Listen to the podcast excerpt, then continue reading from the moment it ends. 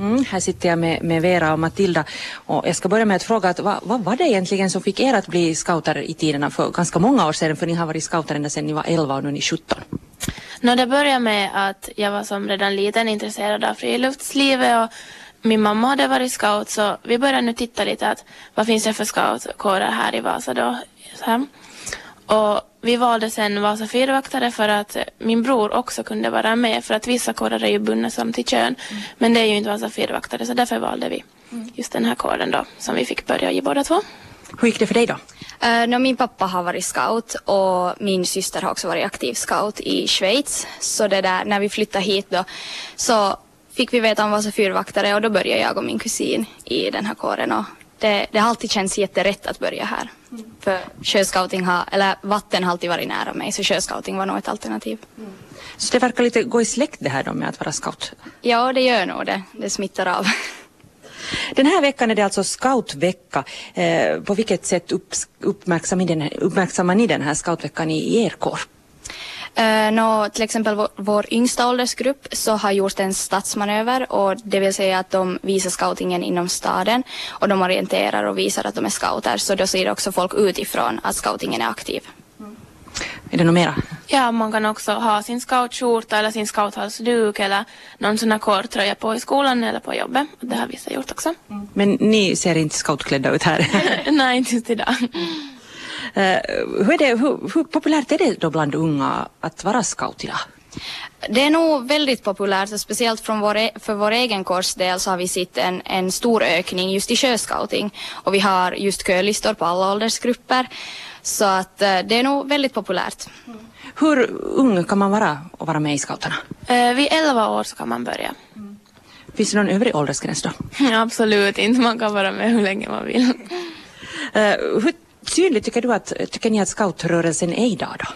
No, det beror ju på vad man klassificerar som synlig men att just via sociala medier så vår kår har en Instagram och ett FB, en FB-sida och en hemsida och just via det så syns vi nog jättebra och marknadsförs. Mm.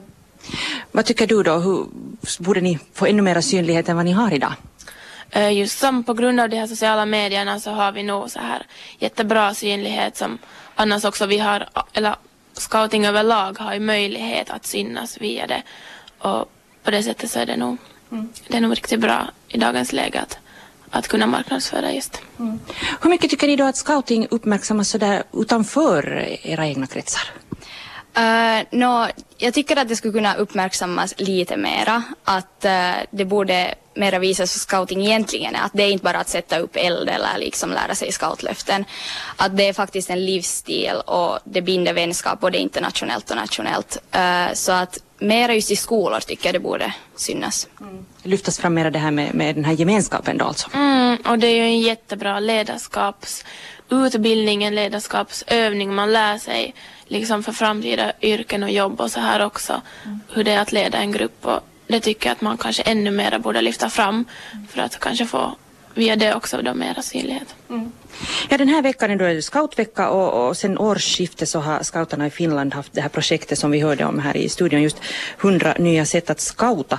Och det har då lite lokala satsningar på olika håll i landet. Hur är det med er? Ni, jag förstår att det här var lite knutet till, till kyrkligt det här med, med det, just det här projektet och ni hör inte till en kyrklig scoutkår men, men märks det hos er ändå på något sätt?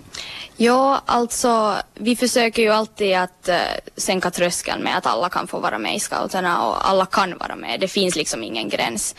Uh, och vi försöker just att, att göra det genom att, att i alla åldersgrupper ha varierade program och, och visa att scouting just inte är bundet till bara en sak utan så mycket mer. Mm. Nu riktar sig det här projektet framförallt till nyfinländare. Hur är det i er kår? Har ni många nyfinländare? Uh, vi har inte så jättemånga ännu. Det kanske också skulle vara en grej att som marknadsföra till dem. Liksom att, att vi, har nog in, vi har inte ännu i alla fall. Mm. Uh, vad finns det då för möjligheter att marknadsföra er just till, till nyfinländare? Vad tror ni? Uh, jag tror kanske just sociala medierna är den största liksom, källan att marknadsföra. Men också kanske att gå ut med det och kanske träffa de här nyfinländarna och liksom uh, marknadsföra på det viset och faktiskt göra scoutiga saker med dem så att de får en insikt i vad scouting är. För det är säkert något som man inte känner till på på alla ställen i, i, världen överhuvudtaget det här.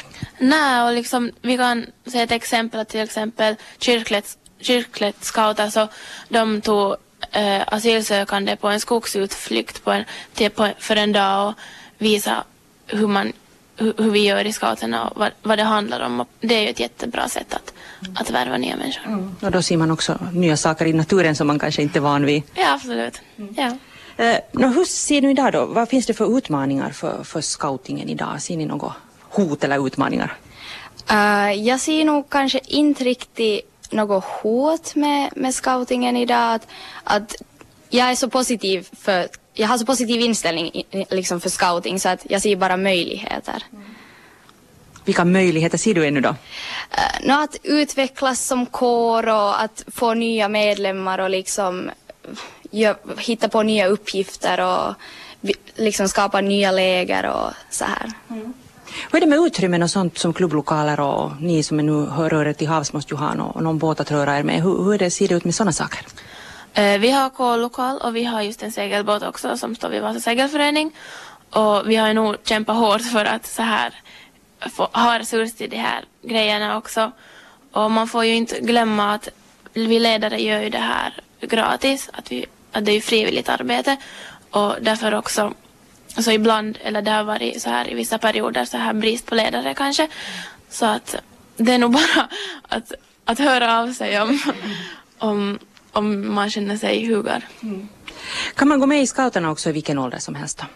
Eh, vid 11 års ålder så får man komma med. Men om man är fast 50 kan man gå med då ännu? Då kan man absolut gå med också. Att, att sen över det så finns det inga, inga gränser. Mm. No, hur är det då, vad ser ni mest fram emot den här scouting säsongen? Ni har ju kanske mest sommarsäsong, ni som rör er till havs, men vad, vad ser ni fram, fram emot framför allt?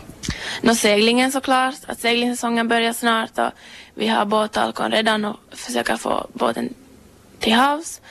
Ja, mm. så det, det, blir, det blir kul. Mm. Vad ser du fram emot? Uh, vi har ett uh, Österbottensläger här nu, uh, Fullt ös för 17 som kommer att hållas första veckan i augusti med cirka 400 deltagare från Österbotten och det ser jag nog jättemycket fram emot. Att läger är alltid, man har så bra filis på det så det är nog helt härligt. Det är mycket jobb säkert framför det då?